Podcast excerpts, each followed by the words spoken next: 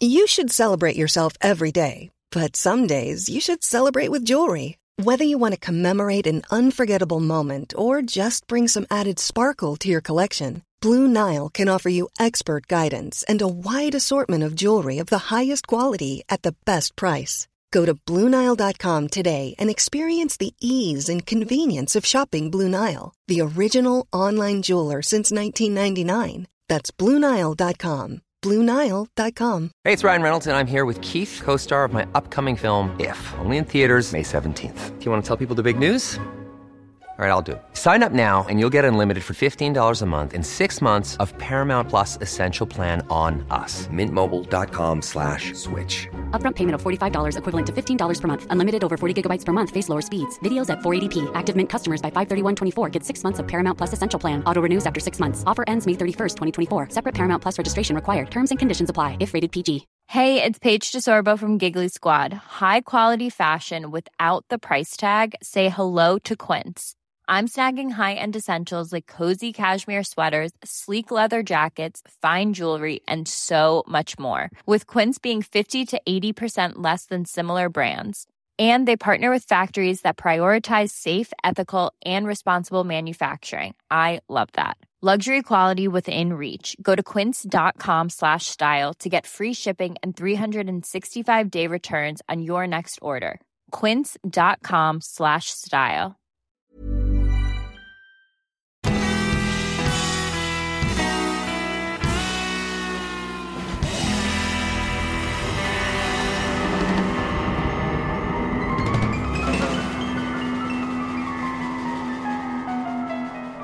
Hej allihopa och välkomna tillbaka till ett nytt avsnitt av Ståpäls.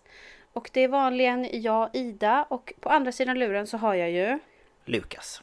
Ja, precis. Vi sitter och tjötar med varandra. Ja, köta lite får man göra. Ja, hur är läget? Jo då, det, det är bra tycker jag nog. Lite, lite småstressad men eh, jag vet Jaså? inte, det har varit eh, lite ja, på jobbet med Vi ska få något nytt barn och lite sådär så det är lite att rodda i och, och så men eh, Nej men det Nej jag tycker det är jobbigt ju nu med att det blir mörkare på om dagarna och på morgonen och sånt där. Jag märker att jag påverkas ganska mycket av det faktiskt. Jag har inte Ja. tänkt på det tidigare men jag blev väldigt seg. Ehm, Ja, så det är ju lite, lite jobbigt såklart men Mm. vi lever ju i den här delen av världen ja precis. där det blir så så att eh, Men nej, det är bra. Själv då? eh, det är lite fram och tillbaka. Alltså jag har nå- någon slags... Jag vet inte om jag kan kalla det förkylning men jag får stundtals jätteont i musklerna och känner mig liksom... Hmm.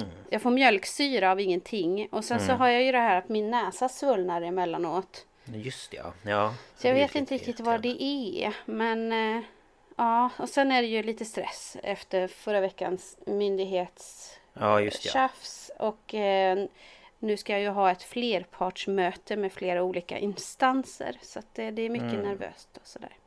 Så det är full, fullt Lite upp med sånt. anxiety. Ja, det är ju aldrig roligt. Inte när man liksom mm, mår dåligt i sig och så ska man försöka prestera när det sitter massa folk och tittar på en. Ja, främst att man ska kunna förklara hur man känner. Mm. Ja, det är ju det Det är ju det som är, och för att, för att någon som inte känner likadant ska förstå. Mm. Ja, det är ju Och det speciellt svåra. någon som sitter där och bedömer hur jag mår.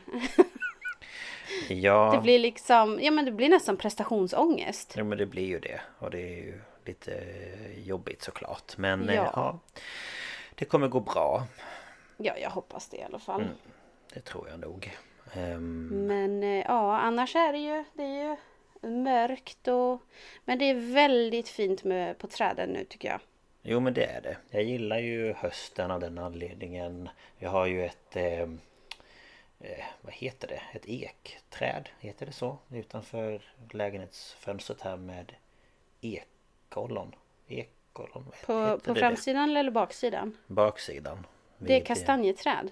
Ja tack, jag menade kastanjer. Det är inte Jag tänkte, har ni någon ek på fram... Det är väl kastanjer på framsidan också eller? Ja, ja, nej, ja, jo kanske det är det men eh, kastanjeträd tack. Det var det Ja. jag menade. Så jag sitter och tittar på Ja, vad vilket menar du nu? Vilket träd har jag aldrig sett. Nej men jag sitter och tittar på de här eh, taggiga bollarna som det blir. Och sen Mm. Ramlar de ner och har sig. Nej det är mysigt. Men eh, man skulle ju önska Ja. att det var lite mer sol. För att nu... Ja, alltså för den delen är det ju tråkigt. Annars tycker jag hösten är murrig och härlig. Man kan Mm. äntligen börja tända ljus och ha lite mer gosiga kläder på sig och kanske plocka fram en filt. Och... Ja. Alltså jag är så trött på att svettas. Ja. Ja det är ju det. Man, det är det som är så jobbigt på sommaren. Jag älskar sommaren men man svettas ju och har sig. Det är Mm, ju fruktansvärt. Men, men eh, ja nej. Men hösten med lite sol. Det, det är fint. Men det brukar kunna vara helt OK i oktober faktiskt. Ja. Brukar November faktiskt. brukar kunna bli så himla svart. Ja. Det är ju bara att man ska liksom vänja sig vid övergången till att det blir Mm. mörkare. För det går ju så fort när det väl börjar. Ja det gör ju det. Så um, Men eh, this is my month kan man säga. För nu är det Mm. oktober och då får vi plocka fram alla halloween-grejer. ja, det gillar vi ju alla. Men du gillar ju Ja. lite extra. Ja, och jag har ju ingen hejd på mig i år. Alltså jag har Mm. haft lite dekorationer sedan ett par år tillbaka som jag liksom såhär, åh mysigt. Men alltså nu, jag har en dörrkrans, jag har en fladdermus i fönstret. Jag har Ja. två slingor, jag har ett hus som lyser, jag har en lykta som lyser, jag har en pumpa som lyser, jag har en, en, en eh, dödskalle med en fågel på som lyser. Alltså jag har Ja. så mycket nu och det är pumpor och det är, alltså jag vet inte vad som har hänt med mig i år. Nej men det är väl roligt. Alltså, Ja, det är det verkligen. Jag sa det, eller vi pratade om det igår, jag och min fru, att eh, de högtiderna som vi liksom gillar att liksom pynta till, det är ju liksom halloween och typ jul. Ja. För när det kommer typ påsken och sånt är inte vi alls att så här, man vill ställa fram massa påskris med Nej, och alltså jag har något grejer. litet, pyttelitet påskris som jag kan ställa fram och så har jag en sån här äh, godisskål som ser ut som ett påskägg. Mm, ja men precis. Typ det är det jag plockar fram Ja, om jag kommer det- ihåg. ja precis. Nej men jag, jag tycker ju halloween är mysigt med liksom alla de klassiska Alltså inte bara skräckfilmer utan de andra klassiska Hokus Pokus, Nightmare before Christmas och alla dem liksom. Jag tycker det är jättemysigt. Och då kan man liksom Ja. ha det här, man tänder ljus och sätter sig med en kopp te och liksom myser och så. Ja, ja men det, Så det har du ehm, fel. Så det inte är. Så... eh, Nej precis. Nej. Så det, det här är min månad, jag är nöjd. Ja, och vi ska göra en halloweenfest också i slutet av månaden. Ja, jag håller på med vårt årliga halloween-quiz. I full, det är full rulle. Mm. Och vi, jag eh, har kommit på vad jag ska vara nu för någonting. Ja, jag hörde.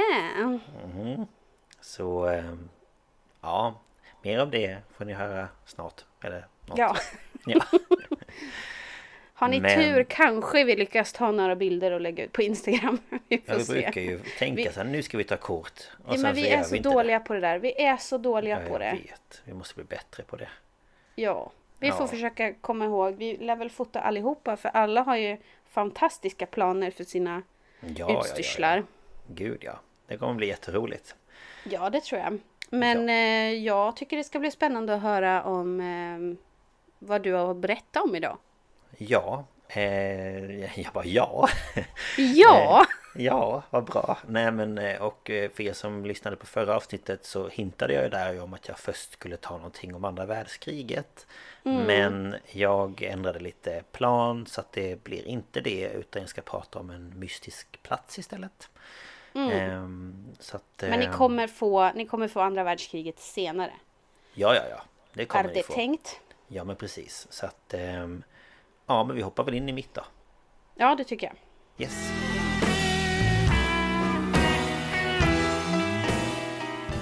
Ja, jag ska ju då prata om eh, Bermuda-triangeln. Mm, det ska bli spännande. Ja, ehm, och jag har varit inne på Youtube och eh, kollat på bland annat eh, National Geographics egna eh, kanal om Bermuda-triangeln. Eh, sen har jag varit inne på Youtube igen. eh, och kollat på en kanal som heter Snabb fakta. Eh, och deras video som heter Vad är Bermuda-triangeln? Och sen en till eh, kanal på Youtube som heter NTSB Gov, alltså Government. Och det är då en video om eh, en av ja, de här försvinnandena eh, som har skett i den här Bermuda-triangeln. Sen har vi varit inne på history.com och sen på den här eh, NTSB Govs eh, hemsida också. Eller det var en rapport rättare sagt om en av de här fallen. Ehm, jag tänkte börja med lite fakta. Och då är det Bermuda-triangeln är en cirka en miljon kvadratkilometer stor triangelformad region som sträcker sig mellan Miami i väst, Bermuda i norr och Puerto Rico i sydöst. Jag visste inte att det var så stort. Jo, en miljon kvadratkilometer. Nej, men det går ju de inte sa att att det var in. typ... Nej, de sa att det var typ 6660 fotbollsplaner. Okej. Man bara, ja det är ju lite. Ehm, Så den ligger alltså i den västra delen av norra Atlanten. Mm. Om man tänker sig liksom under Florida helt enkelt. Ja, precis. Eh, ja, och Bermudatriangeln Bermuda-triangeln och myten kring den fick sitt namn från en artikel under tidigt 1960-tal. Och det var då författaren Vincent Gaddis som var känd för att skriva fiktiva historier. Som då skrev en artikel i tidningen Ar- Argosy. Argosy? Ja. Eh, och tidningen var vid den här tiden den största tidningen inom alltså fiction. Alltså typ som science fiction eller liksom så. Mm. Och eh, Vincent då fick inspiration av en påhittad artikel där de som då skrivit den där artikeln sa att området kring Bermuda var formad som en triangel. Och på grund av detta så fick då Vincents artikel namnet The Bermuda Triangle. Och den här artikeln var ju inte, alltså det var mer som en fiction, alltså en, en, En också som en påhittad artikel liksom. Så Ja. båda de är liksom fiction. Eh, och efter det så har fler och fler då skrivit om Bermuda-triangeln och rykten och historier om hur farlig den här platsen då är har ja, spridits runt om i världen. Och mystiska händelser kopplade till området som till exempel försvunna flygplan och fartyg är nog det som platsen mest är känt för. Mm. Och många har ju då spekulerat kring vad det är som gör att flygplan och fartyg försvinner och aldrig hittas igen. Eh, vissa menar på att det handlar om utomjordingar som då tar människor, eh, alltså i den här triangeln för olika studier som de då ja, genomför på oss människor. Eh, vissa tror att eh, Bermuda-triangeln är en form av portal till den förlorade kontinenten Atlantis. Ja, just det. Ja. Och andra tror att det handlar om att det bildas som virvlar eller liksom som eh, ja, men som en typ tornadogrej. Eh, Som då suger in föremål i andra dimensioner. Okej. Ja. Och det finns även de som tror att det finns en pyramid på havsbotten. Och det här ryktet började då spridas efter att en hemsida vid namn intermedia.ge publicerade en artikel som då påstod skulle handla om en pyramid som då forskare hade hittat under, alltså i vattnet, eh, Bermuda-triangeln under 70-talet. Och den här pyramiden skulle då vara 150 meter hög att vara gjord av glas. Och den skulle då vara placerad i mitten av triangeln. Mm. Ja, så ja, mitten av triangeln i havsbotten. Ehm, och den här artikeln då påstod att det var då den här triangeln som var orsaken till alla Eller triangeln, pyramiden menar jag Som var orsaken till alla mystiska försvinnanden Men det finns ju dock inga belägg för att det här ska vara sant överhuvudtaget Alltså det finns liksom inga bilder eller det finns ingen som liksom Ja Nej alltså Jag har väl hört teorier om att det ska finnas någon triangel och så men jag menar, det är ju ganska lätt att ta reda på om det är någonting där. Ja, ja men eh, precis. Så om det verkligen var det så skulle det ju vara bevisat. Ja, man kan ju tycka det. Men de hade lagt ut någon bild på någon på någon pyramid som såg ut att vara under havsbotten och då tänker jag ja men Photoshop Alltså ja, det går ju att... Sen kan ju mm. faktiskt om man tänker att det finns ju de som har påstått att oh, här är det aliens som har byggt en pyramid under, i havet. För det ser man mm. på den här satellitbilden. Ja, jo, mm. alltså det kan ju också bara vara ett undervattensberg. Ja, alltså, precis. Ja, ja, ja. Det är liksom, det det. bara för att det ja. är for, format så på en satellitbild eller liknande så betyder det ingenting. Nej, precis. Så att, eh, ja, men det är några av de grejerna som folk i varje fall tror. Mm. Ehm, och sen det sista som man har liksom funderat kring Det är att det som då försvinner Att det då blir till antimateria och hamnar i en annan värld. Mm. Och antimateria det är ju då motsatsen till den vanliga materia som då vår galax och resten av vårt liksom, synliga universum består av. Och det finns en antipartikel för varje vanlig partikel. Så till exempel proton, antiproton.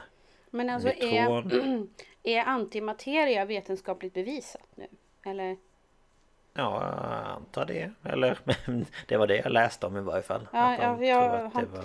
För jag har ju som många andra kanske sett Änglar och Demoner eller läst den boken. Ja. Och där är det ju någon som har skapat antimateria. Och när det kommer i kontakt. Det måste liksom hållas suspended. För om det kommer i kontakt med materia så blir det en enorm explosion typ. Ja men precis. Men Ja, de, de tror det i varje fall. Sen vet jag ju inte, alltså det här är väl enstaka personer som tror detta. Ja, alltså det är ju inte så bevisat att jo men det här finns utan mer att eh, det skulle kunna vara så här. Mm. Eh, så då är det liksom, eller neutron då är det antineutron och elektron så är det positron.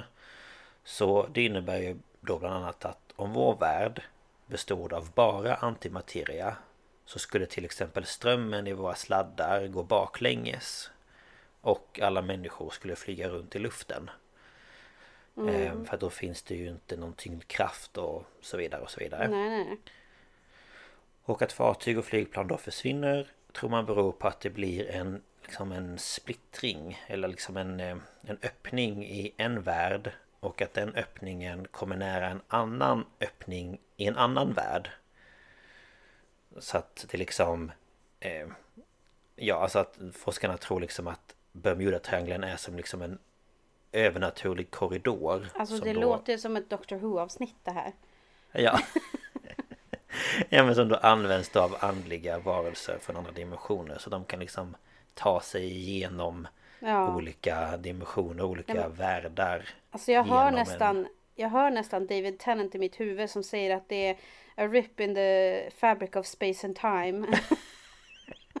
ja men lite så. Nej men alltså så det är liksom verkligen eh, eh, Ja många olika eh, saker folk tror att det här beror på. Eh, ja. Men Men eh, Ja, när man tänker sig att det finns olika världar, olika dimensioner och grejer så min hjärna den bara...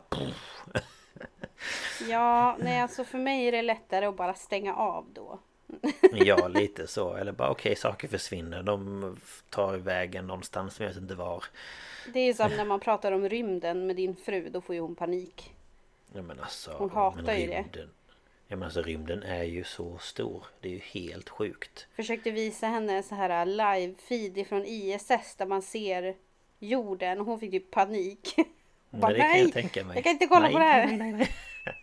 Men det är nog också det att det är så svårt att ta in. Att vi Det- är, det är en sån stort. liten del av något så stort. Ja, ja men jag tror Ah. också att det, det är liksom Hjärnan måste gå ur det bekväma och då stänger man av, Mm. då vill man inte. Nej, nej men precis. Ehm, men i varje fall då allmänt sett så anser man att den första personen som fick uppleva det som då man anser sker i Bermudatriangeln var Kristoffer Columbus. Jaha. Och det här var då under sin resa till den nya världen som han då ska ha sett ett stort eldklot krascha ner i havet. Ah, just det. Ja. Och några veckor senare så ska han ha sett konstiga ljus som blinkade då långt bort i fjärran. Och samtidigt som han då såg de här ljusen eh, så upptäckte han att när han tittade ner på sitt kompass så ska det liksom ha betett sig väldigt konstigt. Det ska liksom inte ha visat någon eh, eh, riktning utan den här pilen hade liksom hoppat och haft sig. Ja, och den snurrade väl bara helt vilt. Ja, precis. Så det är liksom det första liksom eh, som man har dokumenterat i, på något sätt liksom. Ehm, och nu tänkte jag att jag skulle prata om två olika eh, ja, försvinnanden eller händelser som då berör eh, Bermuda-triangeln. Mm. Och den första som jag tänkte berätta om det är Flight 19 eh, Jag kommer säga Flight 19 för jag blir så jobbigt att säga 19 hela tiden. Ehm, Och eh, det var då den 5 december år 1945 eh, Klockan 10 över 2 på eftermiddagen eller ja. Så lyfte fem plan av modell TBM Avenger eh, Som då var torpedbombplan Ah. Från- Ja, från... Jag bara, vad fan är det för några jävla passagerarflyg? Jag har aldrig talat. Ja, det här är... Det här är bombplan förstår du. Ja, ja, då är jag med. Det är Mm. grejer. Och de lyfte från eh, Naval, tror jag man säger. Eller Naval. Ja. Air Station i Fort Lauderdale i Florida. Och de här fem planen gick då under samlingsnamnet Flight 19 och hade denna dag i uppdrag att genomföra en tre timmar lång övning känd som Navigation Problem Number One. Och planen var då att de skulle flyga i ett triangulärt mönster. Eh, så det innebar att de skulle flyga österut från Floridas kust. Där de då skulle övningsbomba vid ett ställe som heter Hens and Chicken Shoals. Hä? Man bara... Ja, Hens and Chicken Shoals. Hönor och kyckling. Ja. Hens and Chicken Shoals. The fuck? Ehm, ja, jag vet det. Vem kom på Okej. det namnet? Ja, du. Någon som var sugen på kyckling? Nej. Columbus. Ja, Columbus. Fan också. Nej. Ehm, och efter det då så skulle de flyga norrut och över eh, Grand Bah- Bahama Island. Innan de då till slut skulle ändra riktningen sista gång och flyga sydväst tillbaka till basen. Okej. Och på alla plan eh, så var de tre i besättningen förutom ett där de då var två stycken. Och alla de här besättningsmännen eh, tillhörde antingen flottan eller så var de marinsoldater. Okej. Och alla hade spenderat ungefär kanske 300 timmar i luften då med att flyga flygplan. Vilket år var det här sa du? 45, 1945.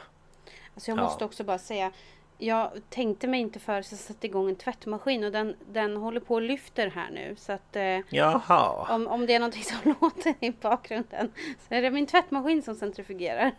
Ja, ja, ja, ja, ja, jag förstår. Jag hör mig ingenting men det för. kan Nej, plockas... Nej, det kan plockas upp av din mick då men... Ja, jag eh, hoppas att jag- det inte gör det. Men ifall ni hör någonting så är det, är det Ja. bara min tvättmaskin. Ja, ja, ja. Jag tänker jag pratar så mycket så att det kanske är överröstar ändå. ja, jag får hoppas det. Ja, ja, ja. Det är ingen fara. Men Ehm, 1945, okej. Mm. Yes. Och eh, flygledaren då för den här övningen var löjtnant Charles C. Taylor.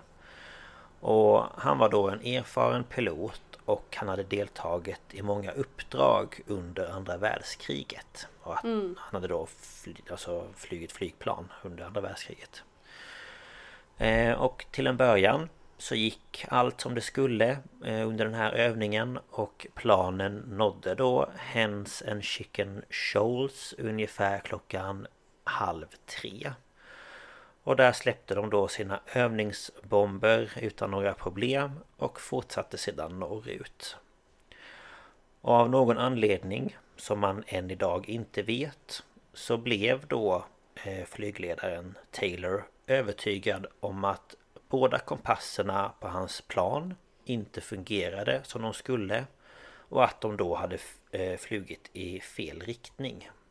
Mm. Och ja, saken blev ju inte bättre när ett oväder drog in med regn, hårda vindar och eh, tjocka moln liksom. Så det var svårt att, att se.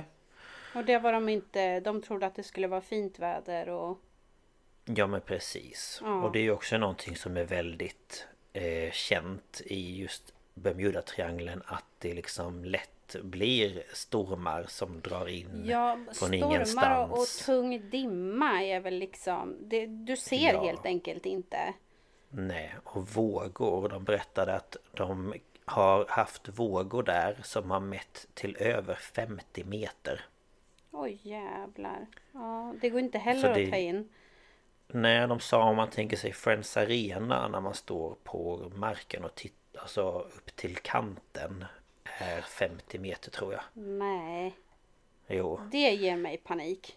ja, det är helt sjukt. Så att eh, det kan liksom snabbt liksom blåsa upp till storm och sådär i Bermuda-triangeln. Och det här i varje fall ledde ju då till att eh, Flight 19 de blev mer desorienterade. De hade ingen aning var de var. Och på radion kunde man höra en pilot säga Jag vet inte var vi är. Vi måste ha åkt fel vid den sista svängen. Och en annan löjtnant då vid namn Robert F. Cox eh, Som även han var en flyginstruktör vid flottan Och som då under den här tiden eh, flög vid Floridas kust Var den första som då överhörde den här radiokommunikationen och han kontaktade omedelbart flygplatsen då eh, på Naval Air Station och berättade vad han hade hört. Och han kontaktade även Flight 19 och frågade om de behövde hjälp. Och till svar så fick han då höra från Taylor att citat Båda mina kompasser är ur funktion och jag försöker hitta till Fort Lauderdale i Florida. Och sen citat Jag är över land men den är trasig. Jag är säker på att jag är i Keys men jag vet inte hur långt ner. Och Keys är då Florida Keys. Men det här kunde ju då inte stämma. ehm, att han var över Florida. Ehm, för som jag sa tidigare så var det ju nämligen så att de hade ju flugit över Hens and Chicken Shoals i, Baham, i Bahamas mindre än en timme tidigare. Men nu trodde han då helt plötsligt att hans grupp på något vis hade förflyttats hundratals mil ur kurs och att de var vid Florida Keys. På, på Ehm. bara en kort stund liksom. Ja, på en timme liksom. Och det enligt dem stämmer inte att det kan inte gå så snabbt. Nej, det, det är för långt liksom. Ja. Eh, och det man visste var att Taylor innan detta flytt, flyttat. Alltså att han hade flyttat eh, med eh, familj och grejer till Fort Lauderdale från Miami. Mm. Och många har efteråt funderat på om han kan ha förväxlat några av öarna i Bahamas för att det var då i Florida Keys. Okej. Okay. Så att han liksom Ja både var helt desorienterad och sen liksom hade panik och sen bara så här Jag är ju över Florida Vad är jag? Alltså mm. Men att han var helt fel liksom eh, Och när en pilot eh, generellt liksom eh, inte hittar rätt när den befinner sig över Atlanten så hade de då blivit instruerade att rikta planet, alltså nosen på planet, mot solen och flyga österut mot land. Mm. För att det skulle tydligen göra att man kom rätt. Men problemet var bara att Taylor då fått för sig att han var över Mexikanska golfen och för att försöka hitta till Florida hade han då styrt flight 19 nordöst vilket bara tog dem längre ut till havs. Mm. Och till slut så ska han gått med på att vända om och flyga väst. Men strax efter klockan sex på kvällen så verkar det då som att han ändrade sig återigen då han då menade på att de inte hade flugit tillräckligt långt österut. Och han var fortfarande orolig över att de var i den mexikanska golfen. Mm. Så de vände därför om igen och flög österut. Men igen. de kan ju inte... Alltså bensinen lär väl ta slut? Ja, precis. Det är ju det som är problemet. För gruppens radiosändning ska ha blivit mer och mer avlägsen ju längre ut i havet de kom. För signalerna räckte ju inte. Nej. Och problemet var ju nu att bränslet i planen började bli låg. Och eh, Taylor ska därför ha förberett alla på att eh, det kanske skulle behöva kraschlanda i vattnet. Och det är min panik kan jag säga dig. Mm -hmm. Det är såhär, nej nej nej nej nej jag skulle absolut inte kraschlanda i något vatten. Fy. Nej, fy fan. Ja. Och det sista man då kunde höra från radion var att alla plan skulle flyga tätt tillsammans och när det första planet då kom under 38 liter i bränsle så skulle de gå ner tillsammans. Ryan Reynolds här från Mint Mobile. Med priset på nästan allt som går upp under inflationen trodde vi att vi skulle bring våra priser down. So to help us, we brought in a reverse auctioneer, which is apparently a thing. Mint Mobile unlimited premium wireless. Ready to get 30, 30, bit to get 30, bit to get 20, 20, 20, bit to get 20, 20, bit to get 15, 15, 15, 15 just 15 bucks a month. So, Give it a try at mintmobile.com/switch. slash $45 up front for 3 months plus taxes and fees. Promo for new customers for limited time. Unlimited more than 40 gigabytes per month slows. Full terms at mintmobile.com. Ever catch yourself eating the same flavorless dinner 3 days in a row, dreaming of something better? Well, HelloFresh is your guilt-free dream come true, baby. It's me, Gigi Palmer. Let's wake up those taste buds with hot, juicy pecan crusted chicken or garlic butter shrimp scampi. Mm. Hello Fresh. Stop dreaming of all the delicious possibilities and dig in at HelloFresh.com. Let's get this dinner party started.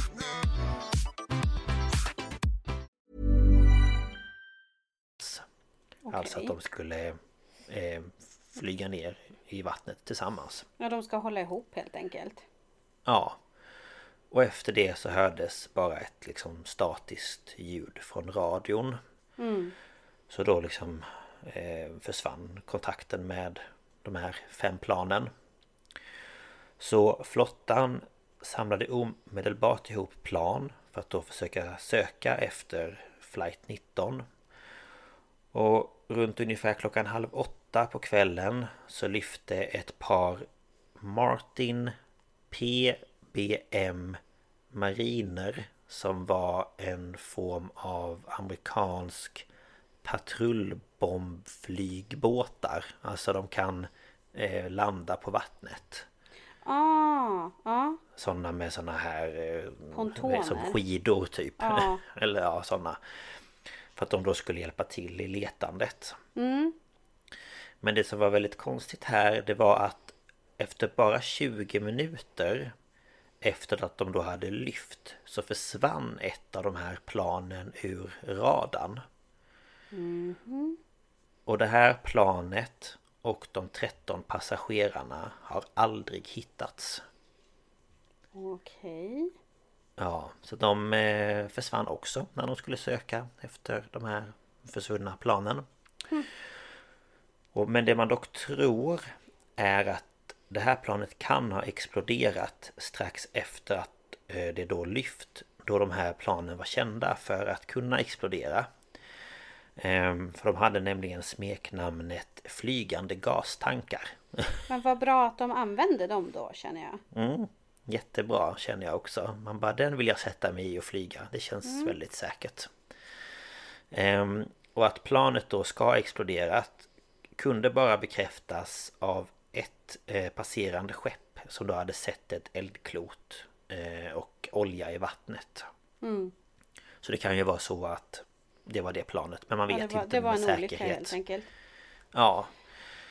Ehm, men så dagen efter så samlade man ihop över 300 båtar och flygplan som då var ute och sökte efter både flight 19 och då det här andra flygplanet. Och de spenderade fem dagar med att genomsöka mer än 777 000 kvadratkilometer stort område utan att hitta någonting. Och de sökte både på land och i vattnet men nej, inga, inget spår av, av någonting. Och en utredning inom flottan sattes då igång och efter att ha gått igenom allt material så kunde de då eh, inte förstå hur Flight 19 kunde bli så eh, alltså desorienterade. Mm. För de var så här, men hur kunde det bli så fel att de liksom Att de var liksom i Bahamas Men att de trodde att de var i Florida För det är ju ändå en sträcka liksom Mm. Ehm, Och till slut så kom man då fram till att anledningen eller orsaken till att planen försvunnit var okänd Så ja Och det som då skedde denna dag har sedan dess blivit en händelse med väldigt många teorier och spekulationer ja, om vad som egentligen hände. Mm. Och även om Flight 19 kanske då inte är offer för något mystiskt eller paranormalt eller så Så kan man ju ändå inte förneka att det finns en hel del frågor som man inte har kunnat få svar på. Ja, gud ja. Och en av de här frågorna då Det är att vittnen ska efteråt, alltså efter den här händelsen berättat att Taylor ska ha dykt upp under genomgången av den här övningen flera minuter för sent. Och att han ska ha sagt att han inte ville leda den här övningen. Och varför han då försökte göra så att han slapp leda övningen det vet ingen. Alltså det är ingen som vet varför han liksom så här Nej men jag känner inte för det idag, jag är inte redo bla bla. Och vi vet inte heller varför ingen av medlemmarna använde sig av räddningsradiofrekvensen. För det gjorde de inte en enda gång. Eller varför planens eh, mottagare som heter ZBX och den här mottagaren var helt enkelt designad att ta emot signaler från en sändare som då var placerad på marken, alltså på land. Och den här sändaren var i sig kopplad till planens kompass. Så att den skickade ju då ut signaler var den här sändaren var någonstans. Ehm, men de, eftersom inte den var påslagen så kunde de inte ta hjälp av den heller. Och det hade ju då gjort att planen skulle kunna veta åt vilket håll de skulle flyga för att komma tillbaka till Florida. Ja, Men Och det var ändå en som Eller den här som de pratade med Den här andra löjtnant Löjtnanten Löj, Löjtnant? Ja ja. Han sa det att eh, har ni på den där? Men då var det ingen som svarade Så eh, Ja eh, det, är ju Jag tänker så här att det är väldigt mystiskt att planen inte har hittats Men samtidigt en, ett område som är en miljon kvadratkilometer stort är ju väldigt stort. Ja. Och om de nu var så desorienterade så kan det också betyda att de kanske inte ens har kraschat inom det här området. Nej. De kan ju ha kraschat utanför längs kanske Floridas kust eller mm, mitt i Mexikanska golfen eller vad som helst. Det vet man ju inte. Så, men det är ändå ändå konstigt tycker jag. Ja, verkligen. Ehm, ja. Och sen nästa ehm, fall eller så som jag tänkte berätta om är lite nyare från 2015. Och det är då ett fartyg med namn SSL Fa- Faro eller Faro, jag vet inte. El Faro. Nej, jag vet inte hur man säger. El Faro. El Faro. Säg, El säg Faro. som, som det känns bra för dig. El Faro säger jag. Eh, och det var då den 29 september år 2015 som jag sa. Eh, så började det amerikanska containerfartyget El Faro sin resa från Jacksonville i Florida till San Juan på Puerto Rico. Och på fartyget så fanns det 33 besättningsmän samt bilar som då skulle fraktas och fraktcontainrar. Och samtidigt hundratals mil sydöst så höll den tropiska stormen eh, Jacquin, Jacquin eh, på att ta sig mot eh, Bahamas. Och vid tiden för fartygets avgång så var kaptenen medveten om eh, väderförhållandet och hade då planerat att hålla sig söder om stormen för att det skulle ja, göra så att inte de skulle vara mitt i den. Och eh, klockan sex Råkade jag slå kommer- till min mikrofon. Jaha, jag förstår. Ehm, ja, klockan 6 den 30 eh, september då, dagen efter, så ska kaptenen och den första styrmannen diskuterat hur stormen då rörde sig. Och till sin hjälp så hade de ett väderprogram som heter Bon Voyage System eller BVS. Och det här systemet det skickar då ut filer till kaptenens mailadress. Och det kaptenen dock inte visste var att informationen om tropiska stormar i dessa filer släpade efter med vad, då, vad som visades liksom i andra väderkällor med sex timmar. Oj. Ja, så om, om vi säger att eh, klart.nu eller vad det heter säger nu är det storm och sen kommer kanske SMHI efter sex timmar säger nu är det storm. Alltså, ja. Ja, det är Så inte det- så jävla bra. Nej. Och plus då att det också dröjde ytterligare då tills det att kaptenen laddade ner de här filerna från sin mail. Så det drog, alltså det liksom var sex timmars förskjutning plus att det tog ju tills dess att kaptenen öppnade mejlet. Ehm, och förutom de här BVS-filerna så skickade en annan värdekälla som heter SAT-C eh, textmeddelanden från National Hurricane Center till fartygets brygga. Men det här var då inget som kaptenen brydde sig om utan han förlitade sig då på de här BVS-filerna. Och klockan 06.24 så ändrade kaptenen fartygets kurs lite åt syd eh, Samtidigt som den här SATC mottog ett akut meddelande att stormen nu var uppe i vindar på 139 km i timmen. Det är ju... Alltså orkanvindar. Herregud. Ja. Mm, och att inom ungefär 24 timmar så skulle vindarna vara uppe i 167 km i timmen. Snälla rara. Ja, Det får väl vara någon en del. måtta på det. Nej, inte där ute i vattnet tydligen. Nej. Så kaptenen och förste styrmannen de diskuterade därför ytterligare ändring i kursen men bestämde sig för att inte ändra något just då. Nej. Så klockan 07.39 så gick då National Hurricane Center ut med information att stormen nu klassades som en orkan. Och problemet var bara det att detta rapporterade varken ut till den här SATC eller genom BVS-filerna. Så att de visste inte om att det var en orkan. Ehm, och trots då att kaptenen diskuterade andra alternativa vägar att åka så valde han ändå att fortsätta i samma riktning. Mm.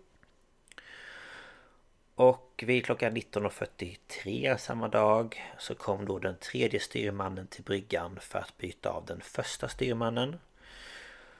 Och några timmar senare, alltså klockan 23.05, så ringde styrmannen två samtal till kaptenen där han då föreslog att de skulle ändra riktning och åka rakt söderut. På grund av stormen då. Men det tyckte inte kaptenen. Nähä. Nej. Och den andra styrmannen kom till bryggan eh, en halvtimme senare. Och vid 01.20, alltså den 31 september, efter att ha hört på satellitradion att orkanen blivit värre så ringde även han till kaptenen för att då föreslå att de skulle åka en annan rutt. Men ännu en gång så tyckte inte kaptenen det. Nähä. Nej, jag vet inte rätt vad det är för fel på den där kaptenen men ja. Och vid 03.40 så hade vågorna och vindarna blivit allt värre. Och för att inte hamna helt fel i liksom riktningen var de skulle åka. Så började man styra fartyget mer norrut för att då kompensera för de hårda vindarna. Och vinden hade även gjort så att fartyget hade börjat luta mer åt eh, vad blir det, styrbord. Alltså åt höger antar jag. Jag tror det. Ehm, Ja, eh, jag tror också det. Eh, Så att det var liksom Det låg snett helt enkelt. Mm. Och vid 04.45 så laddade kaptenen ner de här BVS-filerna som då hade skickats till honom eh, kvällen innan. Och informationen han fick från den filen var att positionen av stormen stämde överens med den information som National Hurricane Center hade rapporterat till fartyget 12 timmar innan detta. Mm. Så alltså BVS-filerna visade då samma position på stormen som de andra gjorde för 12 timmar sedan. Alltså det är ju... Vilket inte stämde överhuvudtaget. Nej. Och två minuter efter så kom ett nytt meddelande från dem om att stormen befann sig Eller var stormen befann sig och vilken vindhastighet det rörde sig om. Och efter att han då hade jämfört de här två filerna Så kunde han då konstatera att de filerna visade ju helt olika. Så han visste ju helt enkelt inte var stormen befann sig. Nej. Ehm, och klockan 05.43 så fick kaptenen ett samtal från överingenjören att det var ett problem på däck 3. Och det visade sig då att på grund av de här hårda vindarna och vågorna så hade de här bilarna som man skulle frakta de hade lossnat Åh, ur sitt eh, Ja men sina fästen liksom där de satt fast Och var nu lösa nere Mm. I det är ju- lastutrymmet Inte bra när man går i vågor alltså. För då, då ökar ju Mm, Nej. risken för att, att kantra. Så inåt helvete. Precis Ja, så att de var lösa Och det som visade sig sen var att den här anordningen som skulle hålla fast bilarna Visade sig inte vara konstruerade att hålla i extremt väder Nej. Så att eh, de eh, ja, studsade runt där eh, fram och tillbaka löst Vad fina de bilarna skulle vara när de kom fram också. Ja, verkligen. Nej, herregud. Och det man även upptäckte nu det var att en lucka på däck 2 var öppen och att havsvatten tog sig in i Nej båten. men lägg av. Ja. Eh, och det här vattnet det tog sig sedan ner på däck 3 och in i lastutrymmet vilket då gjorde att fartyget lutade ännu mer åt styrbord. Eftersom vattnet la ju sig på den sidan eftersom det redan var snett. Och för att då försöka åtgärda detta gav kaptenen order om att man skulle börja transportera vatten från styrbord till babord. Mm. Och det här var då eftersom vinden blåste mot babord vilket gjorde att vattnet och vinden fick fartyget att luta mot styrbord helt enkelt. Och kap, kapten, kaptenen eh, eh, gav också order att man skulle vända fartyget för att då få vinden att blåsa mot styrbord istället. Alltså Ja. att man vände i vattnet hela runt ett, eh, 180 grader helt enkelt. Ja, men det var ju lite som man gjorde med Estonia. Att man började vända, Mm, vända fartyget. precis. Liksom. För att Ja. de inte skulle ta in mer vatten genom eh, Ja, genom hålet. Eller genom... ja, den här eh, som gick sönder. Ja, jag vet inte vad det heter. Någonting Nej, heter jag det. tappar namnet totalt. Men det var ju den här luckan i fram i alla fall. Ja, precis. Där gjorde man ju samma sak. Man vände sig ju från vågorna. Mm, ja, men precis. Så att det blir åt rätt. Alltså så, så det ska liksom... Nu slog jag till micken istället. eh, att man ska liksom räta ut, upp det så att det står rakt. Mm. Ehm, och... ehm, Bogvisir. och anledningen... Vad sa du? Bogvisiret. Ja, precis. nu kom jag på Det var det det det. hette. Ah. Ja. Ja, anledningen till att man även vände det, det var för att man lättare då skulle kunna inspektera vad det var som gjorde att vattnet läckte in i lastutrymmet. För man visste ju inte, ja. Och då kunde man även stänga den här luckan på däck 2. Eh, Men trots att man hade gjort detta så hörde den andra styrmannen ett larm från motorrummet. Och även fast man då kämpade med att få ut vattnet från lastutrymmet så fortsatte det att ta in vatten någonstans ifrån. Okej. Och vid 06.16 ringde maskinrummet kaptenen och berättade att framdrivningssystemet inte fungerade. Alltså det som tar fram fartyget framåt. Och att den här ledningen då som skulle föra olja till servicepumpen hade tagit in luft istället för olja. Oj då. Ja, och det här gjorde då att huvudmotorn slutade fungera. Och eftersom det nu inte gick att styra fartyget så puttades det liksom sidleds av liksom vågorna och vinden. Ja. De, Så de det- flyter de kom ingenstans. liksom. Ja, precis. Och en halvtimme senare så rapporterade kaptenen om att det var mycket vatten som forsade in i lastutrymme 3 men att han övervägde eh, inte att de skulle överge fartyget ännu. Nej. För han menade på att det fanns ingen anledning att larma ännu. Man bara Nej, nej, okej. Nej, jag skulle nog larmat när det började läcka in vatten men ja, Ja, jo. vi är ju olika så att säga. Ja, det kan man säga. ja. Men då några minuter senare så ringde i varje fall kaptenen en person då på land och lämnade ett meddelande. Och några minuter efter det så ringde den här personen upp och kaptenen rapporterade att de befann sig i ett nödläge. Och efter samtalet bad kaptenen den andra styrmannen att skicka iväg ett nödmeddelande. Och samtidigt så fortsatte då vatten att forsa in i fartyget. Och kaptenen och några andra fortsatte att försöka komma fram till var vatten tog sig in i fartyget. Och till slut klockan 07.27 så ringde kaptenen i larmet och någon minut senare meddelade förste styrman att besättningen var samlad på styrbord, alltså den sidan av fartyget. Och kaptenen beordrade sedan alla att lämna fartyget genom att hålla ihop och ta sig till livbåtarna. Och det här är det sista som radion har spelat in från båten. Okej. Och efter det så vet man liksom inte var båten har tagit vägen. Så i och med det så den 23 oktober 2015 så tog sig den amerikanska flottans fartyg Apache tillsammans med tre undervattensfordon eller farkoster till platsen där då fartyget senast liksom visades på ja, radar och grejer. Mm. Och det första man gjorde det var att lyssna efter radiosignaler från fartyget men man kunde inte höra någonting. Och efter det så använde man sig av ett ekolod för att då skanna av havsbottnen. Mm. Och efter att ha sökt i fyra dagar så hittade man till slut något av intresse. Så till slut så använde man sig då av ett fjärrstyrt fordon som man då sänkte ner till bottnen av havet.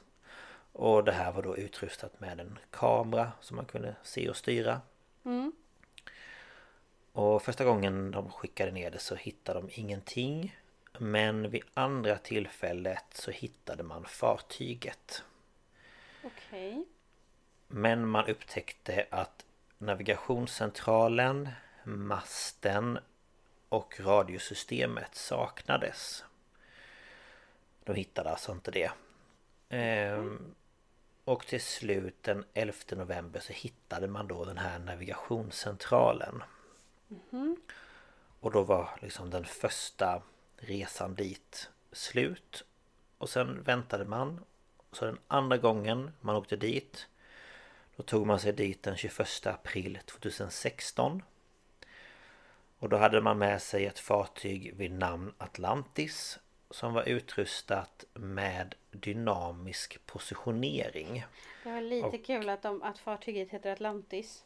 Jag vet, jag tänkte också på det Jag tänkte på det när jag bara hmm, vad de var finurliga där Ja. Ehm, Och den här då, den här dynamiska positioneringen eh, Gjorde att man kunde använda fartyget som central för alla undervattensfordon Då fartyget var kvar på samma ställe även vid dåligt väder Okej. Så att det liksom kunde flyta runt där liksom Mm. Och vid det här tillfället så hittade man till slut eh, masten Och på masten så satt det fast ja, men som typ ett litet chip eh, Som då förvarade all radiokommunikation från fartyget. Ja Och den sista resan till fartyget ägde då rum den 8 augusti 2016 och denna gång så lyckades man eh, med hjälp av det fjärrstyrda undervattensfordonet plocka bort chippet från masten och ta med sig det till ytan. Och jag tycker det är så coolt att man kan göra det liksom Ja. Man har liksom sänkt ner ett fordon med små gripklor eller någonting och så kan det liksom hålla på och mecka där och plocka loss en grej. Ja, Jag tycker det är jättecoolt. Ja. Och på det här chippet då så fanns hela inspelningen som var 26 timmar långt med vad som då hade sagts mellan alla på fartyget innan det sjönk. Mm. Och den informationen då tillsammans med bilder och filmer av vraket bidrog till att man kunde bilda sig en förståelse för vad som då hade hänt. Och det var ju då att eh, ja, fartyget hade gått sönder av vindarna och av eh, de här höga vågorna som hade gjort att det liksom eh, vad heter det? Släppte in massa vatten så till slut Ja. hade det liksom kant, kantrat, heter det så? Ja. Så bakdelen hade liksom börjat sjunka ner under ytan och sen hade ju resten bara för, fortsatt Ja. med. Men det som är lite konstigt tycker jag det är att man vet fortfarande inte vad de här 33 personerna tog vägen. För att de har inte hittats och de har inte hittats i fartyget eller runt fartyget. De har inte hittat några livbåtar. De har inte hittat någonting i princip. Nej. Så det man, jag undrar i alla fall är liksom Tog de sig till livbåtarna och började åka iväg Och att stormen liksom slet sönder båtarna och de liksom drunknade och har liksom blivit utspridda liksom vad ska man säga på havsbottnen Eller har de bara försvunnit? Jag vet inte Ingen Ja, det är aning jättekonstigt.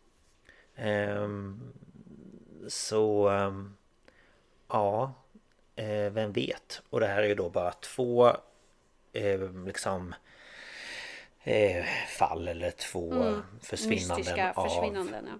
Ja, av väldigt, väldigt många. Ja, Ehm. alltså jag vill inte säga någonting förrän du hade sagt dina historier ifall det var någon av dem som du skulle ta upp. För jag kommer ihåg jag har sett någon Där det var, vet inte om han var bara så här hobbyflygare eller vad han var. Han flög Mm. i alla fall ett sånt här propellerflyg. Mm.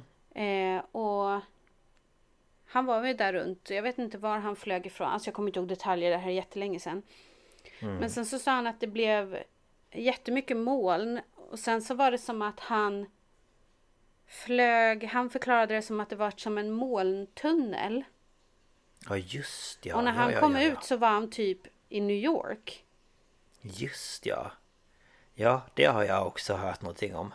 Man bara ursäkta mig. Hur menar du? Att det här gick till. Så då finns det ju de som också tror att Bermuda är maskhål helt enkelt. Ja. Ja, det är ju också helt galet. Det var ju nu senast, typ förra året, och det var några som var ute på en båt och försvann. Mm. Det var någon familj, typ fem stycken i en sån här, ja men liten båt som borta. Hittar inte dem. Nej, precis. Ehm, nej men det är jätte, jättekonstigt men om ni vill ehm, läsa fler historier så finns det en del att hitta på nätet Ja. faktiskt. Och många som försöker vara logiska säger ju att det bara är en, en plats på vår planet där mag- jordens magnetfält är extra starkt. Mm. Och därför påverkar det då våra, våra kompasser. För de går ju på jordens magnetfält. Ja, Och det är ju liksom så, sätter du en stark magnet vid en kompass så funkar ju inte kompassen. nej, nej men precis. Eh, och då menar de inte. ju att anledningen till att folk tappar bort sig, speciellt med flygplan då, för flygplan är ju verkligen beroende av kompass för att hitta. Ja, ja, ja, ja. Ehm, och när då, deras kompasser då slutar fungera så tappar de Mm. helt liksom, de blir helt desorienterade och det kan också göra att många kraschar i vattnet. Mm. Eh, och då finns det ju de som drar på det extra att det är klart det är ett magnetfält för det är ju en stor alienstad under vattnet och de Ja. genererar. Alltså man bara, men kan vi bara... Ja. Och det är olika dimensioner och portaler och Ja. världar och... Men det mest, Det man säger, det mest logiska är ju det här att det är magnetfältet, jordens magnetfält som gör att våra vår utrustning som vi människor använder inte fungerar.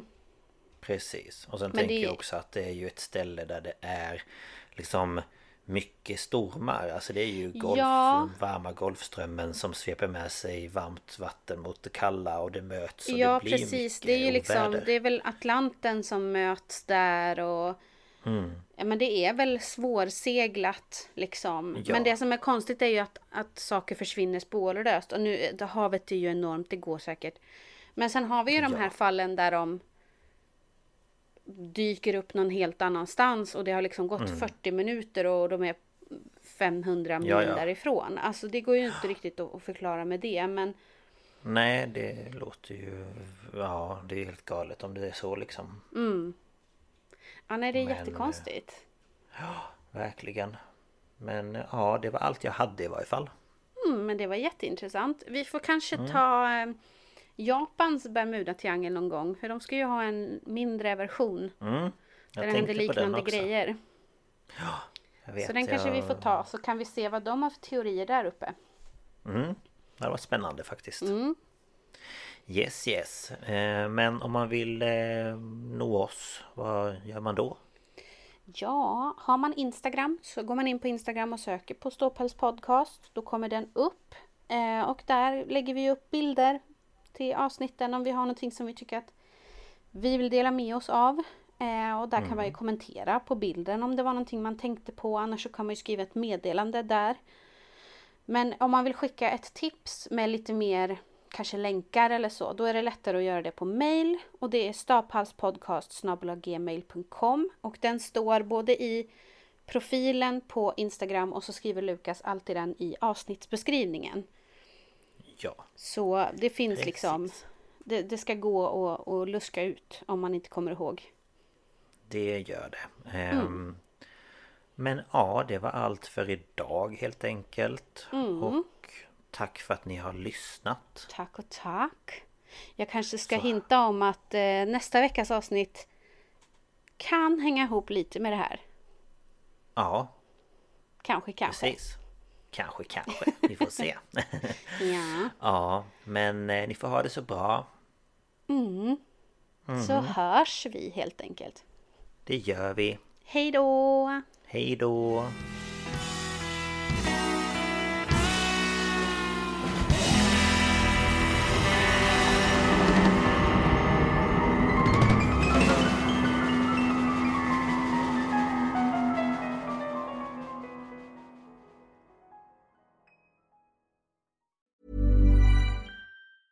Hi, I'm Daniel, founder of Pretty Litter. Did you know cats tend to hide symptoms of sickness and pain? I learned this the hard way after losing my cat, Gingy. So I created Pretty Litter, a health monitoring litter that helps detect early signs of illness by changing colors, saving you money and potentially your cat's life. Pretty Litter is veterinarian developed, and it's the easiest way to keep tabs on your fur baby's health right at home. Go to prettylitter.com and use code ACAST for 20% off your first order and a free cat toy. Terms and conditions apply. See site for details.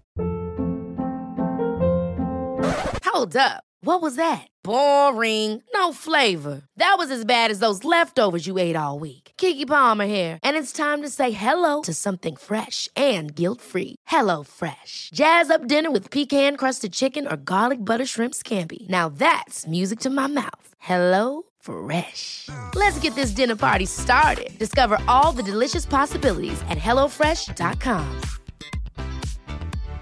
When you make decisions for your company, you look for the no brainers. And if you have a lot of mailing to do, stamps.com is the ultimate no brainer. It streamlines your processes to make your business more efficient, which makes you less busy.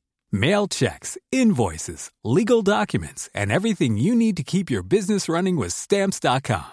Seamlessly connect with every major marketplace and shopping cart. Schedule package pickups and see your cheapest and fastest shipping options from different carriers. With rates up to 89% off USPS and UPS rates. And with the Stamps.com mobile app, you can take care of mailing and shipping wherever you are. Make the same no brainer decision as over 1 million other businesses with Stamps.com. Sign up with Code PROGRAM for a four week trial, plus free postage and a free digital scale. No long term commitments or contracts. That's Stamps.com. Code PROGRAM.